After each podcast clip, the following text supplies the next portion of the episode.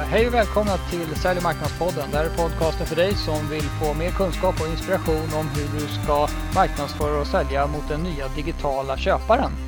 Och idag kom vi fram till avsnitt 21 och vi tänkte prata precis just om den här digitala köparen. Tjena Lasse! Ja, tjena Anders!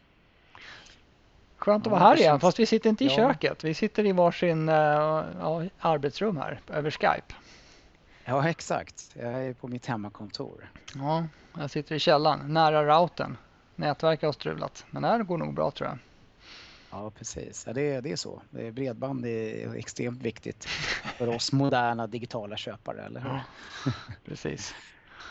Just det, digitala köpare ja. Vi ska prata om dem för att vi träffar ju väldigt mycket folk eh, dagarna ända och det är många som egentligen inte känna att de riktigt har koll på det här med vad de digitala köparna håller på med och de här moderna, moderna köparna och det gör ju också att de famlar ju lite grann med vad de själva ska göra för att eh, hjälpa de här köparna på sin ja, köpresa. Vi har ju, den, eh, ja, vi har ju liksom den stora förmånen att få, få träffa och, och jobba med digitala köpare och, och de som eh, vill vara med och hjälpa de här digitala köparna varenda dag.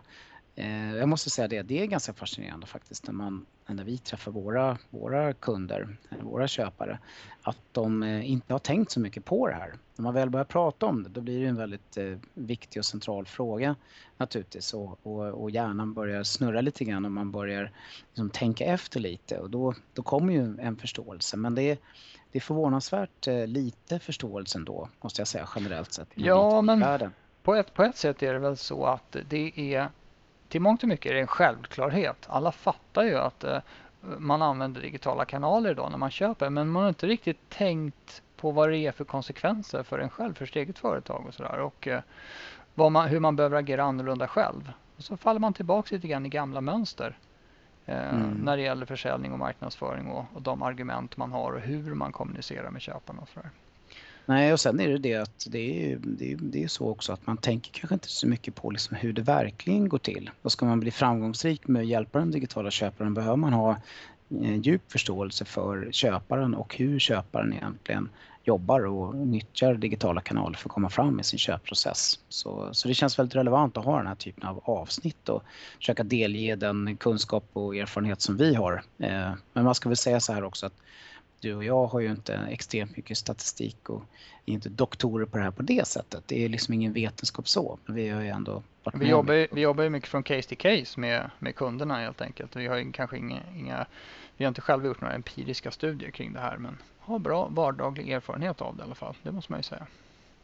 Men som tur var finns det en del andra som har gjort en hel del studier mm. faktiskt. Vi kanske ska nämna någon av dem. Eh, det här med Google och SEB som kanske är det mest omtalade ändå, Anders. Vill du säga något om den inledningsvis kanske? Ja, jag tror vi har, det är väl den för vår del mest citerade undersökningen där vi brukar lyfta fram att det är, det är då de B2B-köparna som är intervjuade i den här undersökningen. De eh, framhäver att de, vill, de föredrar att eh, genomföra 50-70% av sin eh, köpprocess själva då, utan att ta kontakt med leverantörer och säljare. För att de tycker det är effektivare helt enkelt. Och eh, det, det är ju en väldigt stor siffra. Det, det, har ju förändrats fort bara på några år.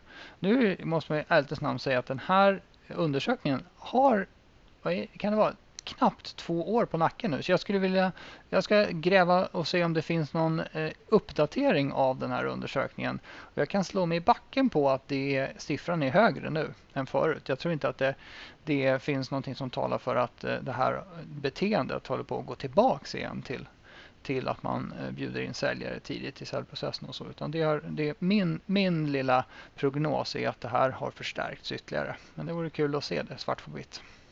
Jo visst, nej, så är det ju absolut. Och eh, det pratar ju även den här undersökningen om att det är en trend som rör sig snabbt liksom i, i en riktning åt mer och mer digitalt. Mm. Eh, och eh, undersökningen, det som gjorde, det här är ju en av de undersökningar som har fått mest eh, genomslag i B2B-världen. Eh, den är ju ut utförd av Corporate Executive Board som har liksom ett bra renommé och rykte kring att göra undersökningar och eh, ihop med Google då som ju har gjort mycket sådana här undersökningar kopplat till B2C framförallt. Eh, men, eh, men man gjorde den här undersökningen kopplat till eh, väldigt vanliga stora B2B-företag som säljer liksom komplex B2B. Mm. Eh, och att eh, det blev så pass tydligt i den här undersökningen gjorde ju att den fick ett eh, genomslag tillsammans med det faktum att det är alltså tunga spelare bakom och en gedigen undersökning. Så att, ja. Men vi har ju lite nya undersökningar faktiskt också. Precis. Det finns ju en del nya. Bland annat så har vi den här undersökningen som, som The Courts Global Executive Study Eh, jag har inte så mycket erfarenhet av deras undersökningar sedan tidigare men, men eh, den här har vi tagit del eh, från våra, från våra goda vänner på IBM. Mm. Där man har intervjuat 940 executives, så det här är chefer alltså högt upp i organisationerna. Och det man har pratat med dem om är framförallt hur de så att säga nyttjar digitala tekniker för att hålla sig själva informerade Eh, inte bara informerade kopplat till att köpa saker utan informerade generellt sett. Mm. Ja, det är väldigt intressant att, att eh, titta på det här eh, utifrån eh, hur de konsumerar nyheter generellt sett. Och eh, hur det här fördelar sig eh, med, jämfört mellan olika typer av enheter eller olika typer av kanaler. Och där smartphones står för hela 41 procent utav den nyhetskonsumtion som en executive eh, tar till sig. Eh, där nyheter och radio och tv står för en otroligt liten del. Det är liksom mindre än 10 procent tillsammans. Ja just det, jag kollar på den här bilden. Om, man, om, man, om det är samma person då som eh, har både en eh, det ser väldigt likt en iPhone faktiskt. Samma person som har en iPad och en iPhone. Eh, så blir de två tillsammans står för 61 procent av all konsumtion av eh, av eh, eh, nyheter och sen då kommer datorn för ytterligare 30 procent. Så det blir liksom bara inte en skvätt kvar. Radio 4, nyheter i print 3 procent och tv 2 procent. Mm. Snacka om förändring alltså. Ja, det är makalöst. Mm. De, eh, nu framgår inte det just av den här bilden, men det är 30-40 minuter per dag mm. ungefär i snitt som man lägger på nyhetskonsumtion. Mm. Eh, annars så, så, så, finns det ju också intressanta data här som pekar på eh, vilka generella nyhetskällor som används och då, där sticker mail ut väldigt mycket. Ja, just det. Precis. Eh, det är hela 60 procent. Mm. Eh, och eh, det är intressant. Alltså, det är mycket diskussion om det här med mail. Eh, fungerar mail och, och hur används mejl och, och, så. Men det kan vi ju säga mycket från vår egen erfarenhet i B2B-världen här i, här i Sverige och i Norden kanske framförallt mm. att, att mejl är, fungerar väldigt väl om man använder det på rätt sätt ja. och det används mycket. Och, och så. Och det, det säger den här undersökningen väldigt tydligt att mm. mejl, mejl är viktigt. Och något man verkligen gillar är just det här med nyhetsbrev. Mm. Att man följer olika såna här industrirelaterade nyhetsbrev eller nyhetsbrev som kopplar till ja, den, den bransch man befinner sig i. Och eh, ja, mm. Eh, och kring de ämnen man är intresserad av. Eh, att det är en väldigt viktig källa. Bra nyhetsbrev. Just det. Annars är det ju såna här branschorienterade databaser eller webbsajter generellt sett. Mm. Och så som, som man följer och mm. även olika typer av nyhetssajter informationssajter på olika sätt. Så då har vi nätat ner det här. Man sitter med sin telefon eller sin padda, sin dator och där läser man eh, till största delen e-mail, nyhetsbrev som kommer till inboxen. Så det, mm. man surfar alltså inte runt så mycket på massa olika sajter och sådär och kollar och söker upp med eh, nyheter utan man, man eh, tycker det är rätt bekvämt att få grejer skickade till sig som man då antagligen har har beställt att man har signat upp sig på ett nyhetsbrev för att man gillar det och så får man det till sig. Det gör ju att de som väl lyckas eh, få prenumeranter, de eh, får ju väldigt mycket tid med de här människorna kan man säga. Mm. Nej, och generellt sett också om man tittar på vad det är för typ av information så är det väldigt mycket det här med eh, trender och analyser kopplat till det man håller på med, sin yrkesroll och sin bransch. Eh, men man är också väldigt eh, intresserad av nyheter kring produkter och innovationer och, mm. och ledarskapsrollen och eh, framgångsstories och sådär. Så att, Mm. ehm, eh, ja, ja, men det, det, det är fascinerande. Så kan man tillhandahålla den typen av content så då ligger man bra till hos de Ja. här executives. Säkert åt andra också. Jag tror att det är, ja det, vad har vi här då? Industry Analytics, ja just det. Mm. Ja, ja precis. Och sen så är det alltid det här med, med, med lite mer om det här med typer av content. Och, och video är populärt, det Mm. kan man konstatera. Eh, men det är också så att det här eh, sponsrade så att säga, innehållet eh, eh, där man eh, helt enkelt annonserar på olika sätt. Och, men det är bra innehåll, Mm. men det är ändå betalt. Eh, faktiskt eh, läses rätt mycket och eh, är intressant och uppskattat när det kommer i, i rätt format. Just det. Och har ganska höga siffror faktiskt. Ja. Det är mer än dubbelt så, så populärt, eller det, det, det är dubbelt så intressant kan man säga jämfört med traditionell annonser och så. Ja, så banners och, och an- anno- andra typer av digitala annonser då är, är hälften så effektiva som, som eh, då sponsrat content. Och sen står det också här 4,7 gånger effektivare än en sån här fullscreen takeover. Att du vet, man, när man går in på så här irriterande, så man går in på di.se och så ska man läsa något där. Då är det en stor blaffannons över hela sajten som man måste klicka bort och komma förbi. De, de, eh, de eh, tittar man, då tittar man ju ner ja. när man ska Ja. trycka bort den. Ja. Mm. Ja, sen har vi lite data ifrån eh, våra kära vänner på Social Media Examiner som ju eh, gör eh, årligen sin Social Media Marketing Industry Report. Just det. Den här undersökningen kommer till fem sex år i rad nu och den undersöker framförallt hur marknadsförare jobbar och hur marknadsförare ser på saker och ting och har väl kanske inte så mycket perspektivet Eh, köparen på det viset. Men, eh, men det är klart att, att eh, hur marknadsföraren agerar återspeglas ju naturligtvis i hur köparna ser och tänker på det här. Och det, det jag tycker var lite intressant då, det här med sociala medier som ju diskuteras mycket och som vi också stöter på mycket, det är ju hur, hur nyttjar man dem och vad fungerar och hur använder man dem? Och här har man då jämfört det med B2C och B2B. Där märker man ju tydligt att, att att eh, LinkedIn är liksom den ledande eh, sociala plattformen i B2B nu och utifrån ett eh, globalt perspektiv. Ja, det här har vi viss tyngdpunkt på USA i och för sig, men ändå.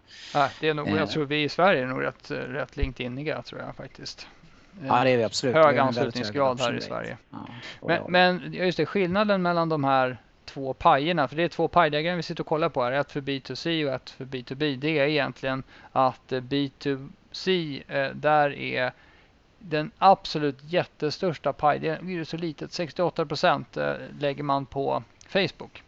Medans eh, eh, för B2B då, då har, då har LinkedIn ätit upp 33 procent av den här Facebook-kakbiten. I övrigt är det ungefär likadant. Men det, det jag slås av när jag tittar på den här det är att det finns, finns ingenting om e-mail där. Det kanske är... Det kanske jag tror inte de räknar inte in har med det. Nej, precis. Nej, Nej, så är det. De är inte tillräckligt socialt. Nej, precis. Men, men man kan ju, det jag tror också många av våra lyssnare kanske fascineras lite grann över att, att Facebook i B2B-sammanhang ändå står för 31 procent faktiskt. Mm. Eh, och så kanske det inte är riktigt här, men, men totalt sett eh, och, och, och så, så, så är Facebook en viktig kanal kopplat till B2B också. Och, och ta en sån sak som Twitter som, eh, där, som är ändå 16 procent Mm. i B2B-världen. Lite större i B2B också än vad det är i B2C eh, och är verkligen är en fungerande kanal. Eh, Det är kanske inte så många som, som tänker ändå. Tror jag. Nej, jag tror att det är, det är inte så ja, det är inte så himla lätt att driva eh, regelrätt marknadsföring via Twitter. Det, är, det tror jag är Nej, det är, det, är en, det är en svår kanal på det viset. Den är mer individuell skulle jag säga. Eh, Nej, och jag har ju tittat eh, rätt djupt i den här undersökningen. Man kan väl säga så att eh, ska man ta några trender så är det helt klart så också att, att Youtube faktiskt och annonsering på Youtube om man gör det på rätt sätt det är ganska mycket coming star inom B2B-världen. Mm. Eh, Så att, mm, Ja, vi får se. ja. Men, Ehm, ja, det var lite pajdiagram och lite undersökningar här. Jag läste faktiskt på LinkedIn då nyligen ehm, en eh, kär vän till mig måste jag säga, Jackie Kottbauer. Mycket härlig person, kunnig inom det här med digitala varumärken och sådana saker. Hon skrev här den 20 oktober, vilket är igår. Va? Sociala medier krossar dagstidningen och dess ekonomi.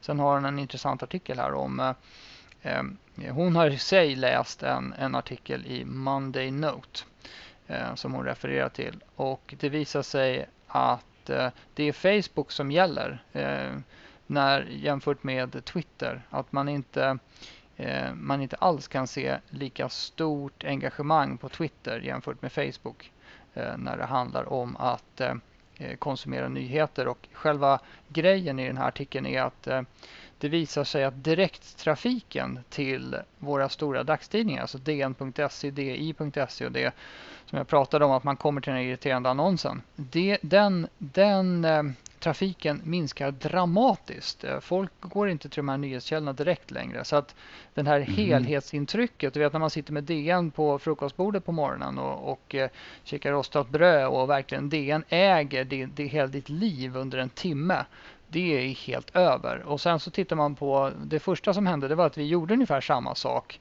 i, i de digitala kanalerna. Att vi, vi läste länge då på DN-sajten. Eh, men nu är det över också. Nu går man inte till, till nyhetssajterna och tittar vad som toppar där utan man studerar sina sociala flöden och det som folk, dina kompisarna har valt ut Eh, det är det som står för den största delen av trafiken till de här sajterna. Så de håller på att tappa greppet helt och mm. hållet. Man, man, får liksom bara en snuttifiering. Man läser en artikel på DN för det var någon i ens Facebookflöde som hade refererat till den. Och sen hoppar man vidare till något annat. Okej, okay, så, så deras, in, deras betydelse som eh, portaler har helt enkelt eh, förändrats väldigt eh, drastiskt. Väldigt mycket. Och hela deras affärsmodell har ju fått en ytterligare törn då. För jag tror att det är många av de här stora sajterna, så tidningarna de har ju gett upp pappret helt och hållet tror jag som vinstdrivande eh, kanal. Men, men webben var ju nästa, nästa grej då. Men då tror jag att man har haft ungefär samma synsätt på webben att det skulle vara som en digital tidning, att man ska äga folk under lång tid där de konsumerar många sidor och många annonser.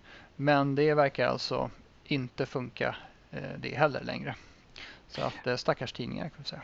Eh, ja, annars det jag bara skulle vilja tillägga där Anders, bara innan vi går vidare. Eh, och eh, det är det här med Facebook. Eh, det är ju så att man som marknadsförare på Facebook ska man ju inte förvänta sig att få eh, organisk spridning egentligen utan man måste liksom vara beredd att, att betala, vara med och annonsera för att få spridning. Det, det, det tror jag är en realistisk förväntan med, med tanke på det som händer där just nu och det, det många andra pratar om också när det gäller Eh, Facebook och, och eh, spridning på Facebook.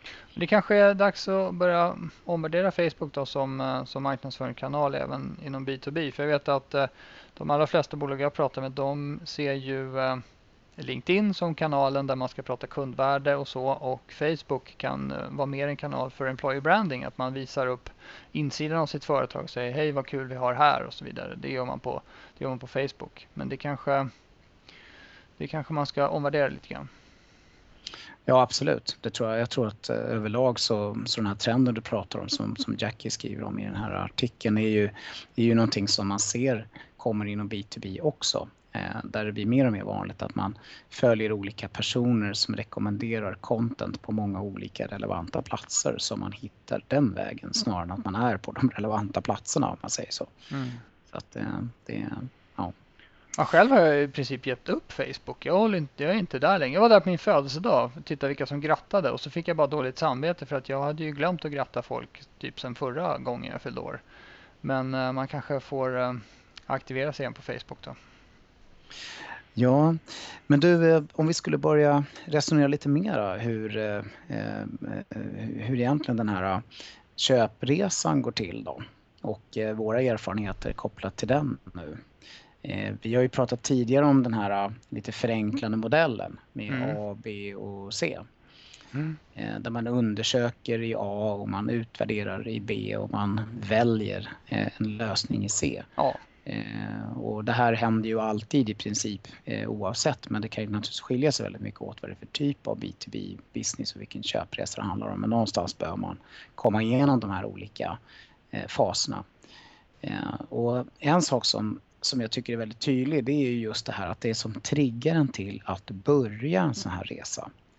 Oavsett om den börjar i A eller om den börjar i B, beror mm. lite grann på var man befinner sig är väldigt ofta digital. Mm. Det är mm. inte bara någon som slår näven i bordet och säger att nu tar vi tag i det här. Eh, utan det är, det är liksom någonting som händer. Det är mm. någon annan människa eh, som triggar en eller någon annan grej som gör att man liksom sätter igång. Just det, men man när, läser något som far förbi liksom. Exakt, och mm. när det sätter igång och det är någon trovärdig eh, källa eller trovärdig person som gör det här så vill man gärna fortsätta att, att, eh, att göra det här digitalt när man liksom blir triggad. Mm. Och det gör ju att resan blir liksom väldigt gärna digital. Ja. Den börjar digitalt helt enkelt.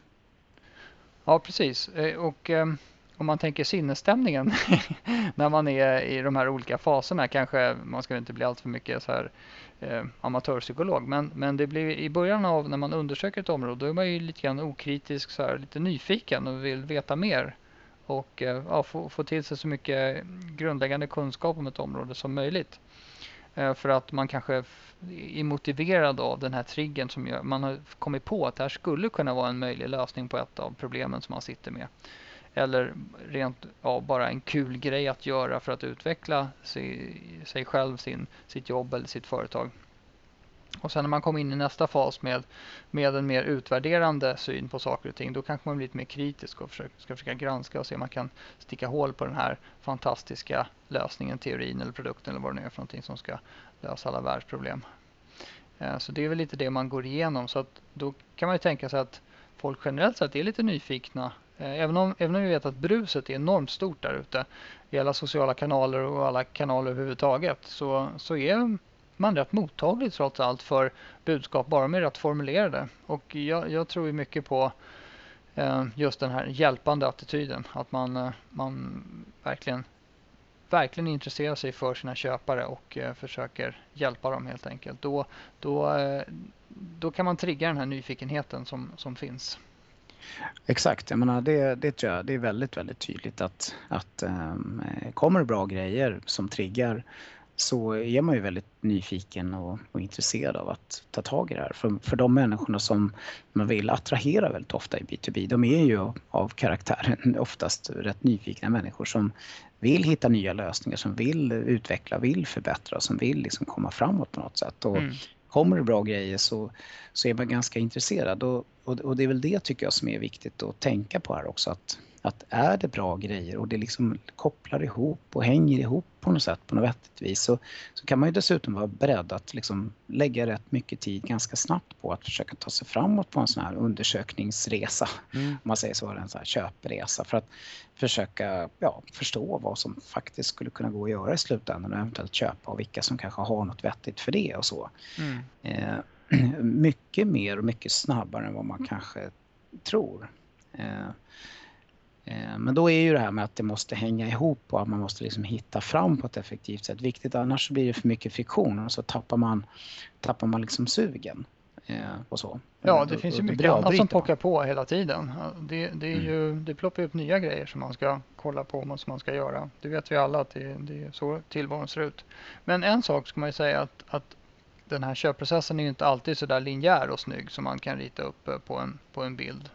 Eh, med en, en, pil från vänster till höger utan folk hoppar ju runt lite grann um, överallt i den här köpprocessen ska man ju ärligt säga. Så att det är ju inte, det är inte självklart att man vet precis vad någon, vad någon är. Men det är viktigt för köparen att, att man kan navigera mellan den här, all den här, um, ja, att varje content piece är, är tydlig om vad den, vad den ska svara på för någonting och um, så man förstår vad det är man ska läsa och spendera tid på eller vad man ska titta på för video och så vidare. Ja, och sen är det också uppenbart att, att människor föredrar ju liksom olika kan man säga, tekniker eller olika typer av content. Eh, vissa gillar att läsa kort, vissa gillar att läsa långt, vissa gillar video, vissa gillar ljud, vissa gillar bilder som förklarar saker och ting och, och folk gillar i kombination med varandra. och det är liksom olika kanaler som gäller. Det är, det är sociala kanaler och det är forum och det är mejl och det är liksom en väldig blandning. Och den här mixen eh, har, har människor lärt sig väldigt mycket att hantera och, och, och vill ha på något mm. sätt, lite beroende på vad det gäller och vem man är.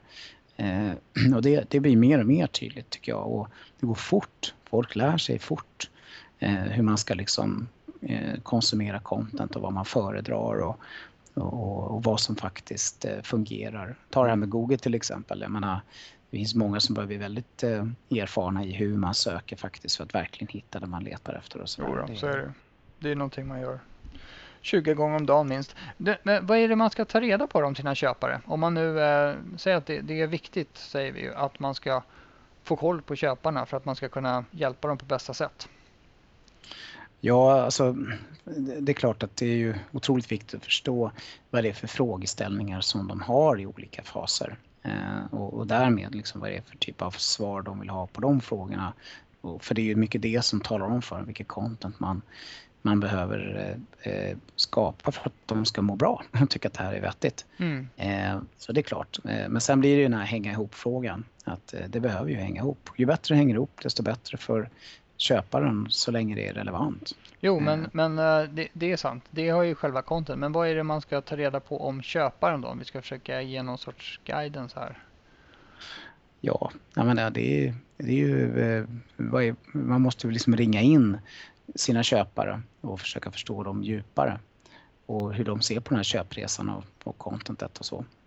Vi har ju våra ringar där som vi brukar köra när man gör en personanalys. Tänker jag på. Det är riktigt. Då, då utgår man ju från, från eh, eh, de prioriterade områden eller initiativen som den här personen sitter med. Och sen så försöker man ju då ja, göra sig en bild av karaktären som den här människan har. Under vilka förutsättningar ska den här människan köpa saker och ting?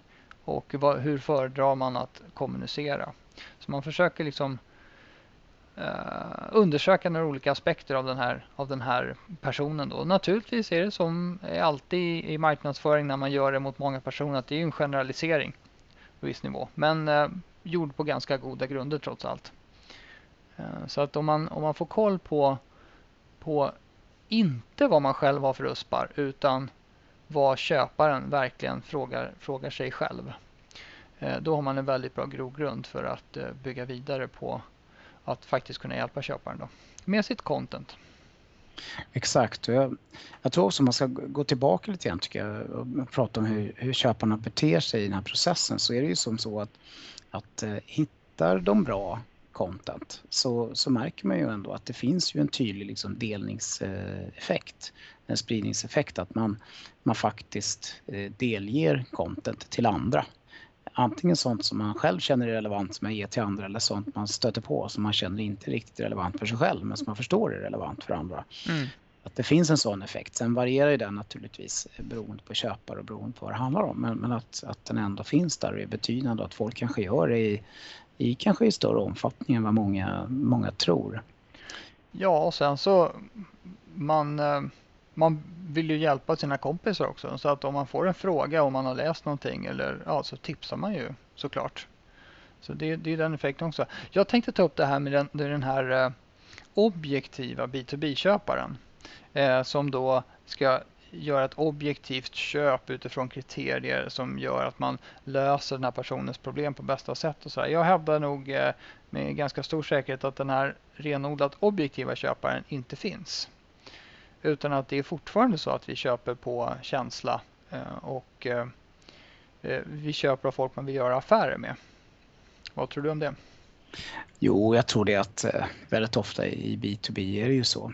Sen är det också som så att att kan man liksom bygga upp en trovärdighet i den digitala världen och en, en bra story kring, kring sitt varumärke och leda köparna framåt på det sättet så, så bygger det upp en bra magkänsla.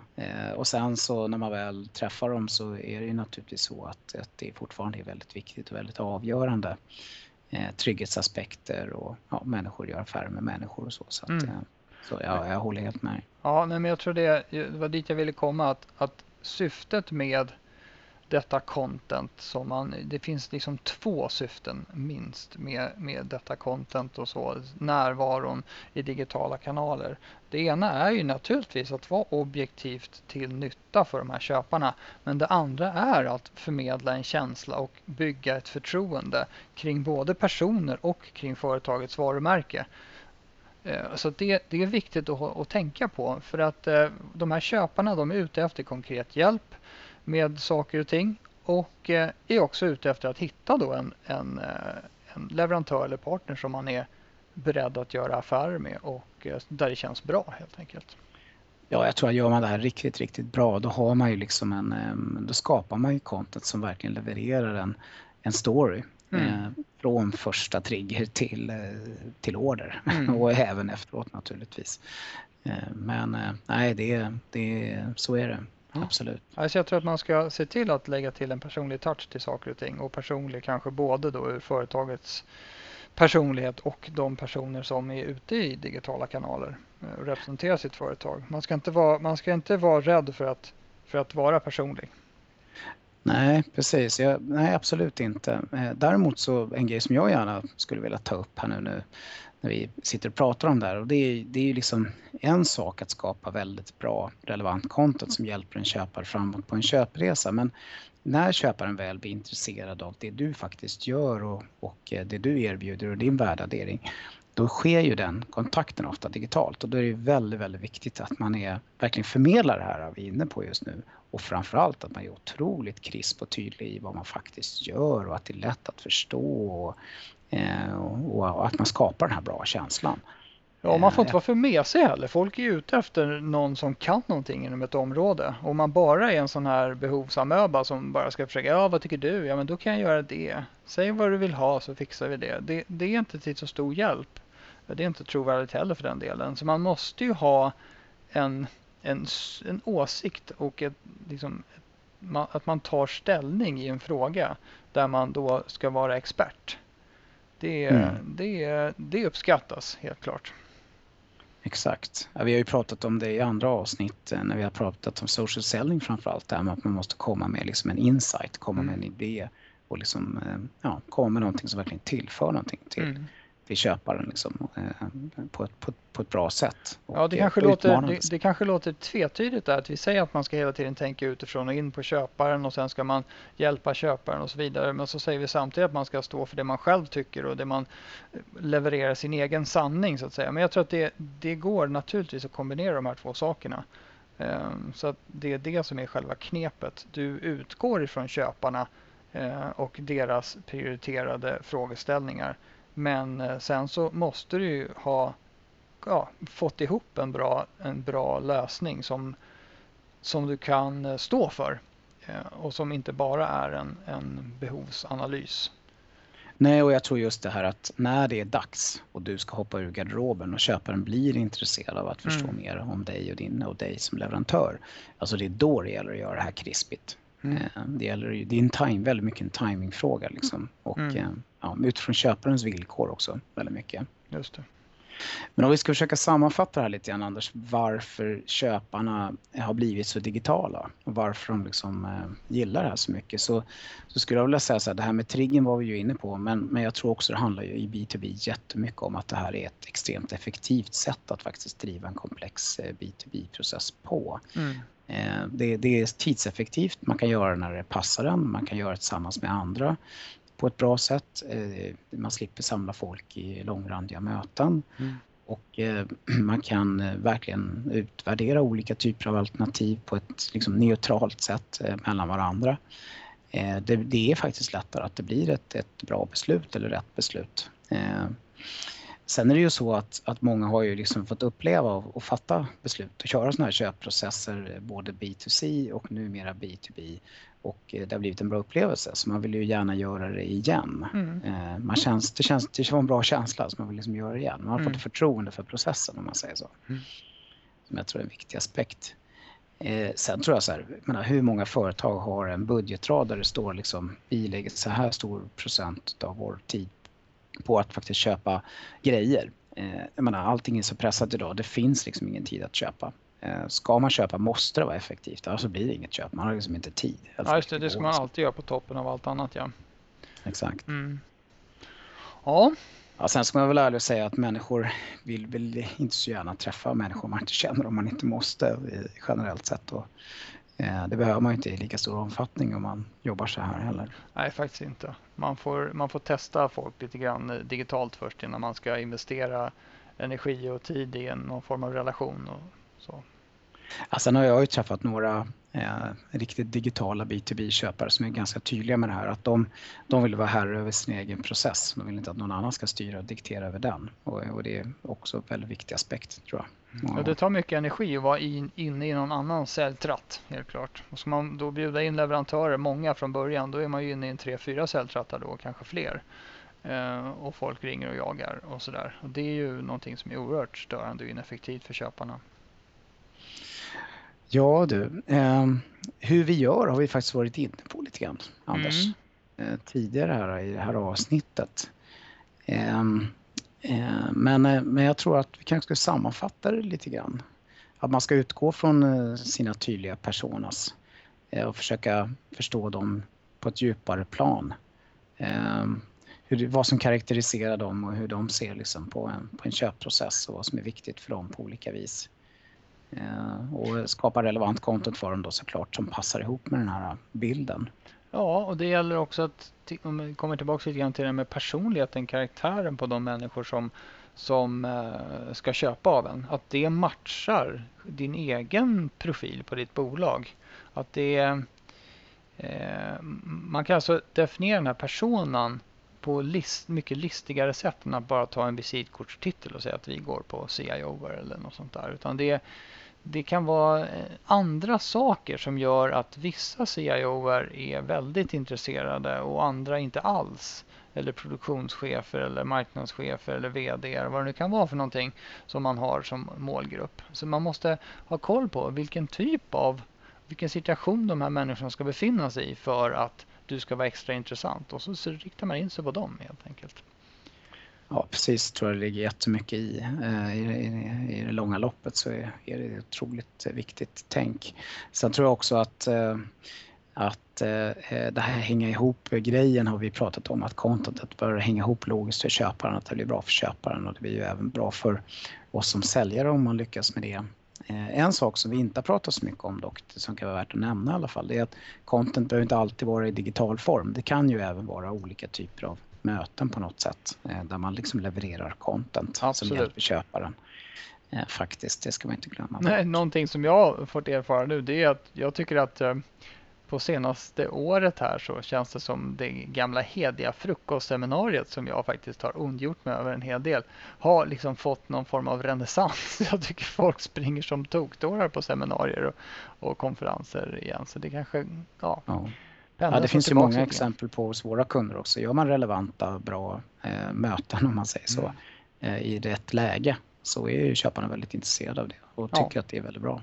Så att, eh, ja, ska vi skicka iväg några schyssta takeaways nu Anders som vi brukar försöka med? Ja, men någon form av tips där som man, som man kan eh, göra, någonting nytt då som man kan göra härnäst och det handlar ju om eh, köparna och då har vi ja, konkreta tipset det är att eh, intervjua några köpare. Mm. Just det, och då, då, kan man väl tillägga då att, att det är klart det handlar om att intervjua personer som kanske har köpt. Eh, men jag tror man framförallt ska försöka titta på några som inte har köpt. Eh, kanske någon som har köpt av någon annan eh, än en själv. Eh, om man har man möjlighet kan man kanske försöka prata med de som är i en köpprocess med en själv också, men det kan ju vara svårare såklart. Ja, eh. precis. Det är väl alltid så att man vill kanske inte störa någonting sådär känsligt som pågår om man riskerar att förlora en affär, exakt. även om Nej. det kanske långsiktigt är jätteviktigt. Men Nej, eh, det lättaste är väl upp, det lättaste är väl ärligtvis namn att prata med dem som har köpt någonting från dig. Det känns som att de har investerat lite grann i en relation där så att det, det skulle kunna vara en framkomlig väg. Men sen håller jag helt med om att eh, prata med andra då och försök, så, de som inte har köpt ännu eller rent av har köpt av en konkurrent. Eh, men det, jag tror att det är väldigt viktigt att kanske inte fråga så mycket om varför de inte köpte av, av oss och sådär, var det fel pris eller sånt, utan mer fråga hur själva köpet gick till. Det är det vi är ute efter här. Mm, precis, Hur prata om till? köpprocessen. Ja. Fråga dem om den, be dem prata om den och lyssna noga liksom på den. Och man kan eh, göra väldigt avancerade intervjutekniker kring det här för att verkligen få krispiga svar. Men det, det behövs inte i dess enkla form utan det, det gäller att ta sig tiden och prata med dem utifrån, utifrån och in om man säger så. Mm, exakt. Och, och som sagt koncentrera sig på hur gick det till när du köpte? Vad, vad, eh, vilken information tyckte du var bra? Vad saknade du? Och eh, vilka frågeställningar hade du under den här köpresan? Får man reda på det, då eh, har man en väldigt bra grogrund för att driva en effektiv marknadsföring och försäljning i digitala kanaler skulle jag säga. Exakt. Ja, och då tror jag att man ska man göra det här så finns det ju en, en som vanligt vår lilla ledstjärna man ska tänka på, eller hur? Ja, precis. Du får säga det. Ja, det är att vara relevant där ute, eller hur? Exakt. Ska vi stänga podden för idag? Vi gör det. Ha det så bra. Hej! Härligt. Tack, hej.